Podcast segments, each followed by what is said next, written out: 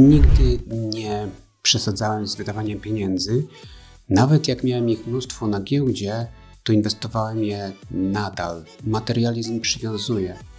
Człowiek uwiązuje się do niego jak na łańcuchu i zamiast później realizować siebie, to pilnuje tych dóbr materialnych. Ja chcę być lepszy dla swoich pracowników.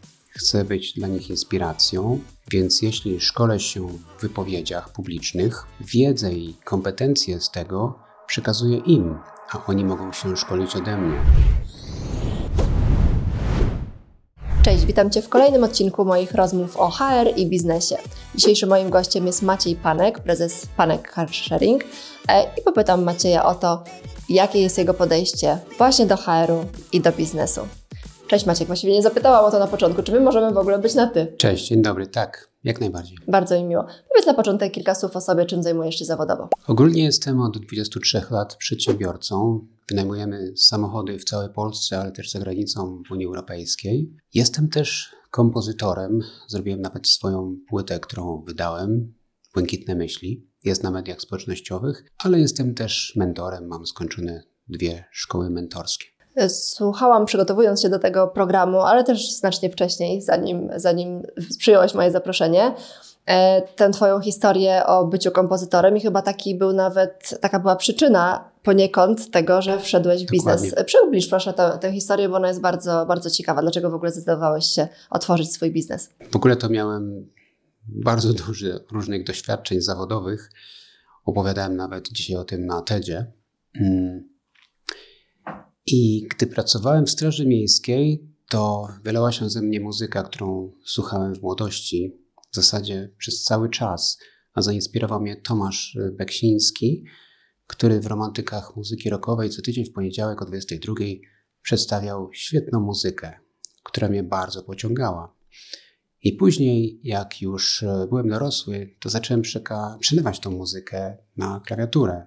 Ale kupiłem sobie takie zwykłe, tanie klawisze i po prostu komponowałem. Natomiast ta muzyka była taka zwykła, plastikowa, więc potrzebowałem trochę pieniędzy, żeby kupić sobie modulatory brzmieniowe, no ale ich nie miałem, więc zacząłem szukać. Skończyłem różne szkoły, to nie dało mi pieniędzy, robiłem różne biznesy, również to mi nie dało pieniędzy, straciłem fortunę na giełdzie i to w końcu też mi nie dało pieniędzy, bo, bo tych pieniędzy po prostu na końcu nie było, bo je straciłem. Więc postanowiłem sobie otworzyć e, wypożyczalnię samochodów. Ale to nie było takie hop bo zaczęło się od tego, że po tym traumatycznym przeżyciu i stracie mm, gdzieś tam w biurze dla bezrobotnych znalazłem takie ogłoszenie: dajemy 10 tysięcy na najlepszy biznesplan na otwarcie firmy. I ja, mimo że wcześniej, kilka miesięcy temu, operowałem setkami tysięcy, to tutaj zainspirowałem się dziesięcioma. I wykorzystałem to, że na studiach uczyłem się biznesplanu, zrobiłem go, wygrałem konkurs i dostałem 10 tysięcy. Ale dostałem jeden warunek. Musisz tą firmę prowadzić przez dwa lata, bo inaczej będziesz musiał zapłacić podwójnie. A jeśli zdołasz, to zapomnij o tej pożyczce. No i tak zaczęła się historia wypożyczalni samochodów i było ciężko i trudno, ale jakoś dałem radę. I teraz z jednej osoby, z jednego samochodu, którym na początku był Dół Lanos, teraz jest 4000 samochodów, 400 pracowników, którym jestem bardzo wdzięczny i tutaj mogę przekazać Wam wyrazy mojej wdzięczności za to, że jesteście.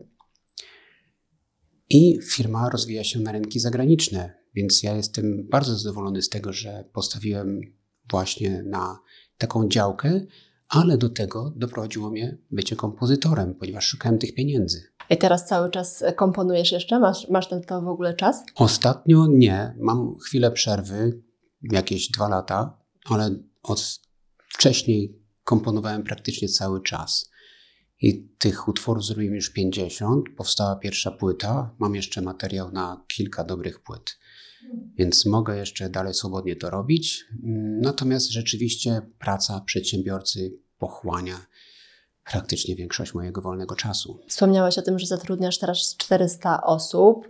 E, jak ten przyrost wyglądał przez lata? Zaczynałeś sam, czy od razu miałeś jakiegoś, zatrudniłeś Nie, kogoś do pomocy? kompletnie sam. Do jednego samochodu nie było sensu. Zresztą nie miałem takich środków, żeby, żeby kogoś zatrudnić. Dopiero później, jak firma zaczęła się rozwijać, to nie miałem wyboru. I zatrudniałem jedną osobę, dwie. I później coraz więcej było tych e, osób, gdy rozwijaliśmy się na inne miasta. Po 10 latach mieliśmy już całą Polskę i sieć wypożyczalni samochodów i było tych osób już 400. Mieliśmy też challenge, bo um, nasza firma wyrosła z małego miasteczka, ale okazało się, że mieliśmy kontrahentów z Warszawy i oni nie za bardzo chcieli przyjeżdżać do tego małego miasta. Więc postanowiłem przenieść się do Warszawy, ale okazało się, że pracownicy nie byli z tego zadowoleni. I tylko trzech spośród stu chciało ze mną się przeprowadzić. Ale mimo wszystko przeprowadziłem się i musieliśmy przeprowadzić bardzo dużo działań rekrutacyjnych, ale to dało firmie niesamowitą energię i jeszcze pozwoliło wskoczyć na wyższy level. Więc no, taki był challenge związany z, z pracownikami, ale ja rozumiem, ludzie nie chcą zmieniać swojego miejsca zamieszkania. Z jakiej miejscowości pochodzisz? Z Lubina, Okej, okay, to kawałek do Warszawy jest. jakieś 430 kilometrów. A na jakie stanowisko zatrudniłeś pierwszego swojego pracownika? Pamiętasz to jeszcze? Oczywiście, to był kierowca, no bo ja Hmm. głównie mm, podstawiałem samochody Mhm. pod y, wypadki, pod szkody. Mm, To były zlecenia typu assistance, gdzie ktoś jadąc swoim samochodem miał wydarzenie i potrzebował innego samochodu, więc wtedy wskakuje wypożyczalnia samochodów, daje takiej osobie samochód zastępczy i może on kontynuować swoją podróż dalej. W co zainwestowałeś te pierwsze 10 tysięcy? W samochód to był Deulanos i cała ta kasa poszła na jego pierwszy czynsz inicjalny. Tylko na to, czy też coś tam Tylko jeszcze zostało z tego? tylko Zastanawiam się, wiesz, ile 23 lata temu, ile było warte 10 tysięcy, bo dzisiaj to jest dosyć mała kwota jak na otworzenie firmy. Wtedy była trochę większa, ale i tak nie była to duża kwota, żeby kupić na przykład cały samochód. To było powiedzmy 30% samochodu. A według jakiego klucza dobierałeś pracowników wtedy, a czy teraz coś się zmieniło? Mój pierwszy pracownik, mimo że robiłem rekrutację i szukałem kogoś z, kto miał długoletnie doświadczenie w prowadzeniu samochodów, tak żeby nie robił szkód, tak żeby prowadząc samochód potrafił go też sprzątać i miał czas, żeby jeździć po innych miejscowościach. No i zgłosiło się do mnie kilkanaście osób, ale wybrałem jedną, bo zainspirowała mnie osoba, która powiedziała, że chce pracować za darmo. E, Pytam się dlaczego. No, bo lubię bardzo jeździć samochodami.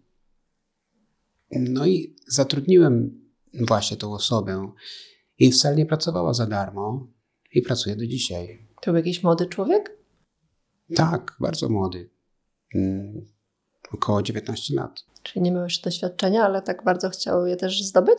O, taka była jego Tak, motywacja? tak. Chciał Mhm. zdobyć doświadczenie, a przy okazji chciał jeździć samochodami, a nie miał takiej możliwości. Super. A kolejne osoby, tak później to rosło bardzo dynamicznie, czy raczej to było tak, że kolejną osobę i tak po, po, powoli powiększałeś zespół? Gdy rozwijaliśmy się na inne miasta, potrzebowaliśmy przedstawicieli na te miasta, ale o tych samych kompetencjach, czyli kierowców, którzy mogli wydawać samochody na assistance i na inne tego typu usługi i posiadali kilka, kilkanaście samochodów, y, które my im przekazywaliśmy, a oni mogli je później wydawać, więc to były takie kompetencje człowieka, który z jednej strony musiał dobrze prowadzić samochód, z drugiej strony zadbać o ten samochód, umyć go, zawozić na serwis i podstawiać do klientów, podpisywać z nimi umowy najmu. A teraz ym, też bierzesz udział w rekrutacji, czy masz już dział HR, który robi to w Twoim imieniu? Oczywiście jest dział HR i ja też biorę udział w rekrutacjach na te wyższe stanowiska, ale dopiero na samym końcu rekrutacji. Mhm. Czyli ostatni, ostatni etap i na stanowiska takie dyrektorskie, czy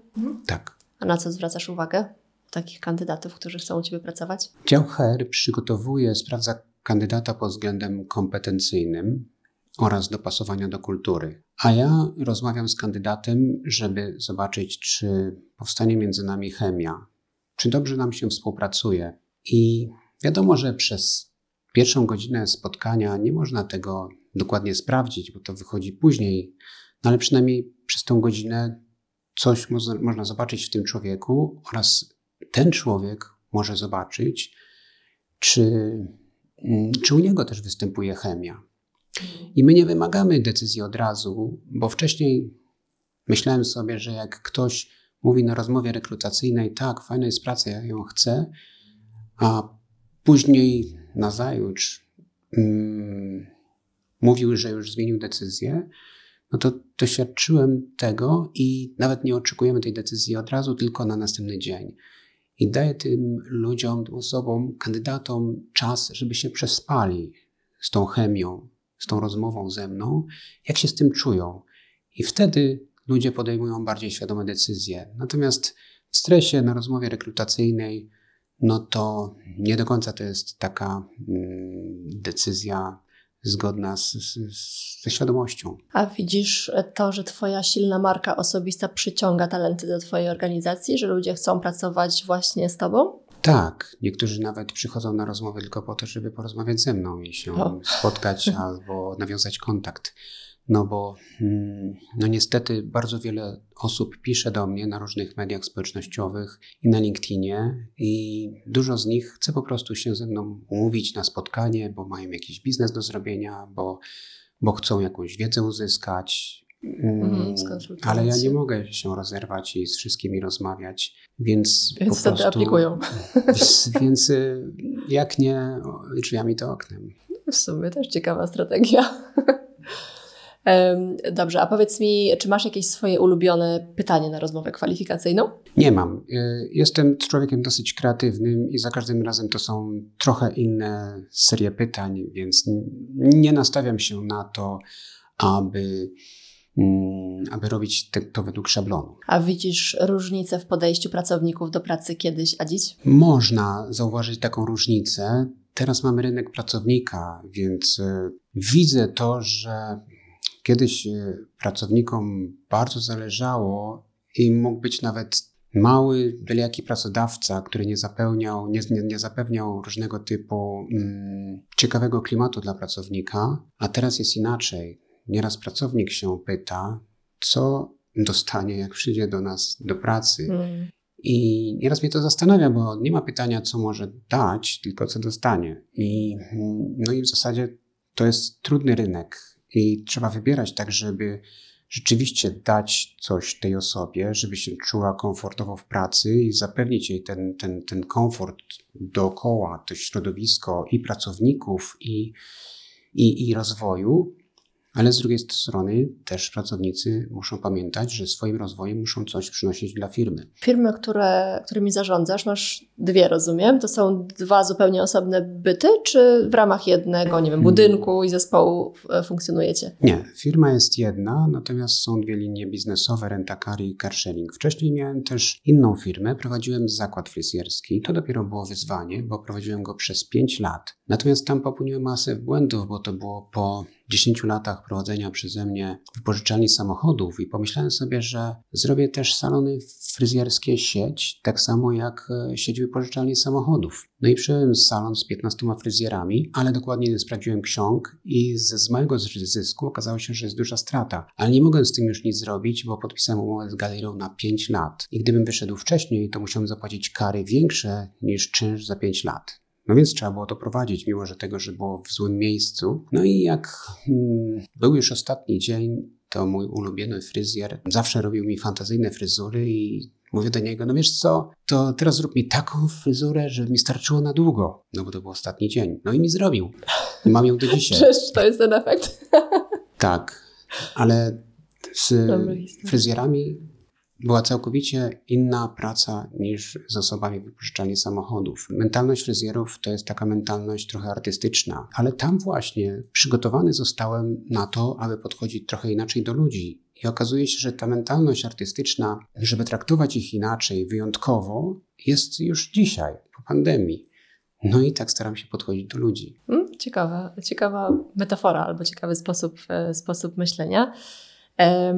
A co wyróżnia Twoje firmy jako pracodawcę? Czy możesz słyszeć coś takiego od swojego zespołu, albo Wy macie jakąś taką wartość, którą też promujecie wśród kandydatów? Z jednej strony dajemy bonusy na wypożyczanie naszych samochodów. Można sobie nimi jeździć taniej niż mają to klienci. Z drugiej strony mamy dział HR, w którym pracuje psycholog. I na przykład w tym tygodniu byłem na konferencji związanej z mobbingiem i zapytano mnie, jak to jest u nas. I pomyślałem sobie, że przez 23 lata firmy prowadzenia u nas nie zdarzyła się żadna sprawa w sądzie o mobbing. Zapytano mnie dlaczego. I to wynika chyba z tego, że stosujemy mocno prewencję. Ja jestem strażnikiem tego, żeby ludzie nie krytykowali się publicznie.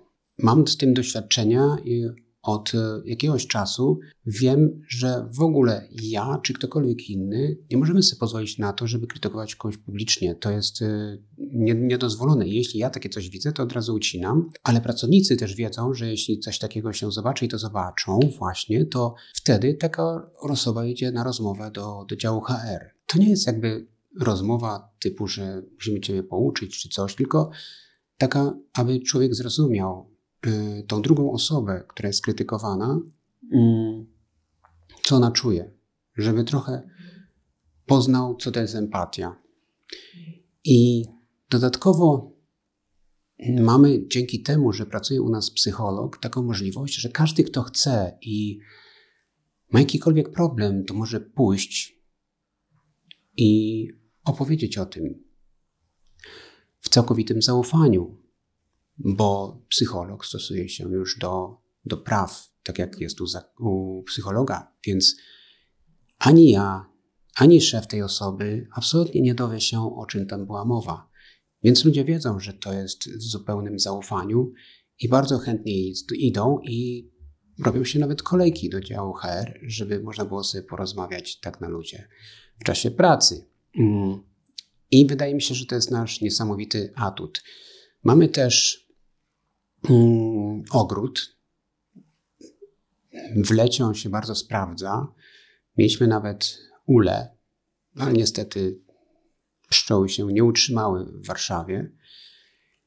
I stosujemy dużo różnych, na przykład y, rzeczy związanych z przebywaniem w zielonym.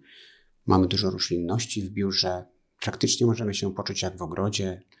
Jest y, to biuro, które ma piękne wnętrza, jest nowoczesne, ale też staramy się, aby podchodzić z sympatią do, do ludzi, do, do pracowników.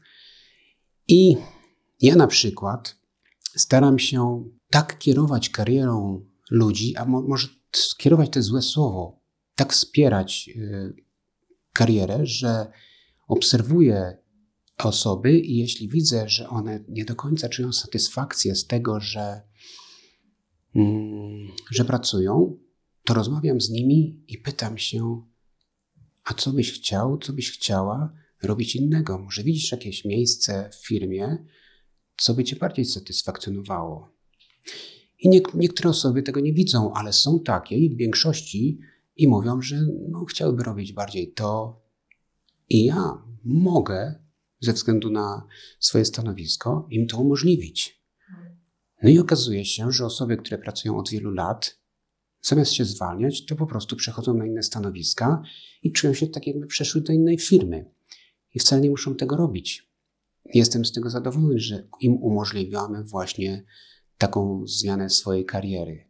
Ale tylko dzięki temu, że że ja to obserwuję, ale też zaszczepiam to y, naszym kadrom, aby w rozmowach z pracownikami zwracały na to uwagę, co ludzie mówią i być może chcą sobie coś zmienić. Super, że masz taką otwartość, no i w związku z, z Waszą skalą pewnie te możliwości są nieco większe, żeby kogoś gdzieś, gdzieś przenieść i zapobiec temu wypaleniu zawodowemu, bo chyba tak to można, można mhm. nazwać, jeżeli ktoś już jest zmęczony swoimi codziennymi zadaniami. A powiedz mi, jaki ty jesteś jako szef? Nie chciałbym mówić o sobie, bo to jest pytanie raczej do pracowników i oni powinni się tutaj wypowiedzieć. Ja wiem, że przynajmniej się staram i wiem, że przeszedłem bardzo długą drogę, bo na początku w firmie byłem sam, teraz jest 400 osób i to jest niesamowicie trudne, żeby się zeskalować razem z firmą. Bo inne jest podejście do tego, jak człowiek jest sam albo współpracuje z jedną osobą, wtedy mam kompetencje do na przykład prowadzenia samochodów, czyszczenia, zawożenia na serwisy, A teraz moje główne kompetencje skupiają się na tym, aby scalać całą organizację, mm, żeby nie robiły się silosy między zespołami, żeby ludzie między sobą współpracowali, żeby tak dobierać osoby do naszej organizacji, aby były zgodne z naszą kulturą pracy, aby była też różnorodność, żeby poszczególni szefowie oddziałów nie skupiali się tylko przy wyborze na takich samych osobach jak oni sami, tylko żeby zatrudniali i młodsze osoby, i starsze, i żeby zatrudniali też kobiety, żeby nie było żadnych y, dyskryminacji, żeby po prostu była różnorodność, bo ona mm, widzę, że bardzo dużo wnosi. A wspomniałeś o tym, że masz uprawnienia mentorskie. Stosujesz też, czy w swojej organizacji, czy gdzieś na zewnątrz, jesteś mentorem dla innych? Skończyłem dwie szkoły. W tej chwili nie praktykuję, ale stosuję to u nas w pracy i widzę, jak to się sprawdza. Właśnie po to zrobiłem te szkoły mentorskie, bo gdy musiałem w jakiś sposób poradzić sobie y, ze współpracą z ludźmi, to szkoły mentorskie mi w tym niesamowicie pomogły. Pomogły mi wyrobić w sobie empatię, nie patrzenia tylko na, na rozwój firmy, na pieniądze, ale też właśnie na pracownika, na to, co on czuje, co potrzebuje, gdzie chce się rozwijać. Po prostu moja świadomość się bardziej wyostrzyła w kierunku pracowników, więc mi to na pewno dużo dało, mm, ale oczywiście mogłem stosować ten, ten mentoring na, na rynku. Natomiast tak samo jak w przypadku bycia kompozytorem, Bycie przedsiębiorcą pochłania mój główny czas i gdyby to tak było, że w firmie mm, jest moment, gdzie można sobie odpocząć albo wyluzować, to może bym zajął się też mentoringiem na zewnątrz, ale za każdym razem pojawiają się jakieś problemy, ciągle powstają pożary. I jest też dużo osób, które chciałoby mieć ze mną mentoring, ale ja po prostu nie mam na to czasu. Są jakieś wyjątki, poszczególne osoby, z którymi to przeprowadzam, ale to nie jest duża skala. A jak wygląda struktura u Was w firmie? Ty jesteś osobą główną zarządzającą, czy masz już e, takiego dyrektora zarządzającego bądź inną osobę, która pomaga Ci ogarniać całość? Przez wiele lat mm, był dyrektor zarządzający, ale od pięciu lat nie mamy. Ja myślałem, że poradzę sobie z tym sam, natomiast y, doszedłem do tego, że jednak jest potrzebny, że firma jest za duża i ja sam tego nie dźwignę. Zresztą widać po tym, co mówię, że ja nie mam czasu na inne rzeczy. Dlatego e, będziemy poszukiwać dyrektora zarządzającego i to jest e, niesamowicie potrzebna osoba, jeśli firma ma więcej niż 200 osób. Bo mm, tym bardziej, że ja stanowię zarząd jednoosobowy. Gdyby byli jeszcze wiceprezesi, to to wtedy tak, ale tutaj jest za duża rozbieżność między, między jednoosobowym zarządem, a później dyrektorami poszczególnych zespołów. A rekrutację robicie wewnętrznie zawsze przez wasz HR, czy korzystacie z pomocy headhunterów? Zawsze robimy zewnętrznie, hybrydowo. Zewnętrznie odbywa się zawsze. Przeprowadzamy ogłoszenia w naszym biuletynie cotygodniowym i w tym biuletynie są zarówno mm, informacje na temat tego, kogo obecnie poszukujemy, oraz wiadomości ze spółki, ciekawostki różnego typu. Mm. Natomiast y, korzystamy z wielu różnych ścieżek, z headhunterów, z ogłoszeń na portalach pracy, w zasadzie z wszystkich możliwości. A tak e, właśnie e, w kontekście HR-u, jak Twoim zdaniem HR powinien wspierać biznes? Jakie są Twoje oczekiwania? Przede wszystkim kompetencja dopasowywania nowych osób do, do tego, aby wspierały biznes, ale też dopasowania ich do kultury. No, jest bardzo łatwo zatrudnić kogoś, kto za kilka miesięcy odejdzie z pracy, bo nie radzi sobie z ludźmi, którzy tam pracują. Dlatego HR-y i osoby tam pracujące muszą mieć e, bardzo dużą intuicję i kompetencję, żeby wiedzieć, jaka jest ta kultura i czy ta osoba, ten kandydat, kandydatka spełnią się w takiej kulturze, czy nie. I obecnie jestem zadowolony z naszych e, pracowników HR-u, którzy doskonale sobie radzą z tym. Mówiłeś, że nie masz za bardzo czasu na pozazawodowe pasje. Ile godzin dziennie pracujesz? To jest różnie i, i nie jest to doprecyzowane, no bo w biurze przebywam od powiedzmy 9 do 17, ale też pracuję, gdy Y, gdy jestem w domu, gdy jestem w podróży, to zawsze odbieram jakieś maile, komunikuję się z osobami, coś tam sobie robię związanego z pracą. Ale wtedy, kiedy mam na to czas i stosuję, i to nawet znacznie, workation. Niektórzy są o to zazdrośni, niezadowoleni, bo przez pierwsze 10 lat nie wyjeżdżałem kompletnie nigdzie. Pracowałem cały czas. Nie robiłem sobie wolnego nawet przez jeden dzień.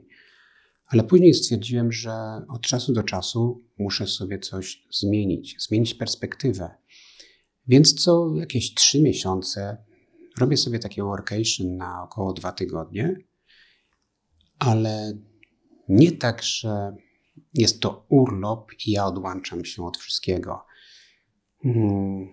Ja wtedy Normalnie pracuję, tylko że przy okazji coś tam zwiedzam, jestem w innym środowisku, pracuje mi się trochę lepiej. No i po tych dwóch tygodniach zaczynam tęsknić za, za biurem, e, za kontaktem fizycznym z ludźmi, więc wracam i znowu się cieszę. Mm, tym, że mogę z nimi przybywać. Zazdroszczą pracownicy, czy kto? czy znajomi? I znajomi, i pracownicy. Dla pracowników niektórych jest to nie do pomyślenia, bo im się wydaje, że jak ja wyjeżdżam, no to to jest urlop, ja się odłączam. No tak mhm. wcale nie jest. Często nie mogę uświadomić niektórych osób, że ja po prostu tam jadę pracować. A masz jakiekolwiek takie momenty wytchnienia, na przykład, nie wiem, weekend, w, który, w którym w ogóle nie pracujesz albo nic nie robisz takiego związanego z życiem zawodowym? Tak, na przykład dzisiaj miałem po południu wystąpienie na TED i mój trener zakazał mi wchodzenia na maile. Więc trochę się nudziłem, ale rzeczywiście mm, dało mi to dużo dla mojej świadomości. Pobyłem w tu i teraz, w pięknych przestrzeniach i to było niesamowite doświadczenie. A co to za trener? Masz jakiegoś trenera, rozumiem, takiego mentalnego, tak? Tak. Mhm. Powiedz trochę więcej o tym. Nie musisz zdradzać nazwiska, ale powiedz, e, jakiego wsparcia Ci udziela, nad czym pracujecie. Nazwisko mogę zdradzić. E, Dorota DeLong e, mhm. przygotowała mnie do TEDa i dziękuję tutaj serdecznie. Ale nie tylko, bo ja też Uczęszczam na zajęcia filozofii, robię wszystko, aby wykorzystać dostępne narzędzia na rynku, aby poprawić siebie, aby być coraz lepszy. Więc później, jak codziennie porównuję się do siebie z wczoraj, ale nie do innych, to mogę się ocenić, czy, czy rzeczywiście poprawiłem swoją osobę i jestem coraz lepszy i daję już sobie radę z tą większą firmą, czy może jeszcze nie psychologa, coacha, trenera rozumiem, a skąd ten kurs filozofii? Co on tobie daje biznesowo czy życiowo? Bardzo dużo daje, bo filozofia ma takie być może teoretyczne podejście, ale ja niesłychanie interesuję się stoicyzmem. I to jest bardzo stara filozofia, ale pomocna niesamowicie w naszych obecnych czasach. I dyskusje o tym mnie bardzo inspirują i pomagają też w życiu codziennym, abym właśnie nie przeżywał tych wszystkich rzeczy, którymi nie powinienem się w ogóle przejmować, tylko podchodził do tego trochę inaczej, według stoicyzmu. Czy ze stoicyzmu wywodzi się też Twoja skromność, która od Ciebie bije? Bo myślę, że mogę tutaj zdradzić, że przyszedłeś do nas na piechotę, nie przywiozła Cię żadna limuzyna ani kierowca e, i taka skromność e, z Ciebie bije. To jest taki Twój wybór, czy taki jesteś od urodzenia, czy taki chciałeś się stać? Z czego to wynika? Chyba jestem. Nigdy nie przesadzałem z wydawaniem pieniędzy. Nawet jak miałem ich mnóstwo na giełdzie, to inwestowałem je nadal. Nawet jak e, firma ma zyski, to ja nigdy ich nie biorę, tylko one są przeznaczane na kapitał zakładowy i zostają w firmie. I do tej pory nie kupiłem sobie żadnego jachtu, żadnego domu. Nie mam po prostu takich dóbr materialnych, które mogłyby mnie przywiązać. I to jest rzeczywiście zgodne ze stoicyzmem, ale dla mnie mm, to niesamowicie pomaga, bo materializm przywiązuje. Człowiek uwiązuje się do niego jak na łańcuchu i zamiast później realizować siebie, to pilnuje tych dóbr materialnych. No i niestety, ja wiem, że kiedyś bardzo marzyłem o tym, żeby mieć dom z ogrodem, ale miałem takie doświadczenie, które mi pokazało, że prowadzenie takiego domu to jest jak drugi etat. Że trzeba poświęcić mnóstwo czasu, żeby się opiekować tym domem, ogrodem i wszystko, co jest z nim związane. Ciągle tam się coś psuje, ciągle trzeba coś poprawiać, odnawiać płytki, malować ściany, tam dach przecieka, tutaj no, nowe jakieś rzeczy, chodniki. Zobaczyłem to na własne oczy i powiedziałem: No nie, ja tego nie chcę. Chcę realizować inne tematy niż być gospodarzem domu. Z tego, co mówisz o tym, jak aktywny jesteś zawodowo, że cały czas myślisz o firmie, cały czas działasz nawet na urlopie czy jak na workation, e, jaka jest taka granica między pracoholizmem a zaangażowaniem w swoją pracę? Granicą, wydaje mi się, jest poziom satysfakcji. Jeżeli już nie czuję, że to, co robię, satysfakcjonuje mnie, ale mimo wszystko to robię, bo robię to z musu, to jest wtedy pracoholizm. I ja staram się być świadomy takich momentów i je ograniczam. Nieraz ręce mi opadają i mam dosyć, tak, więc wtedy sobie robię małą przerwę, ale ciągle zwracam uwagę na to, żeby to, co robię, było satysfakcjonujące. I wcale nie musimy sobie ograniczać godzin, bo czy musimy odpoczywać od tego, co jest dobre, albo co nas cieszy? Ja nie muszę. Natomiast jeśli przestaje mnie cieszyć, tak, wtedy od razu odpoczywam i robię coś innego. A pracujesz na tak wysokich obrotach cały czas od 23 lat, czy widzisz jakieś różnice też, że potrzebujesz większego work-life balance na przykład teraz? Pracuję od 23 lat.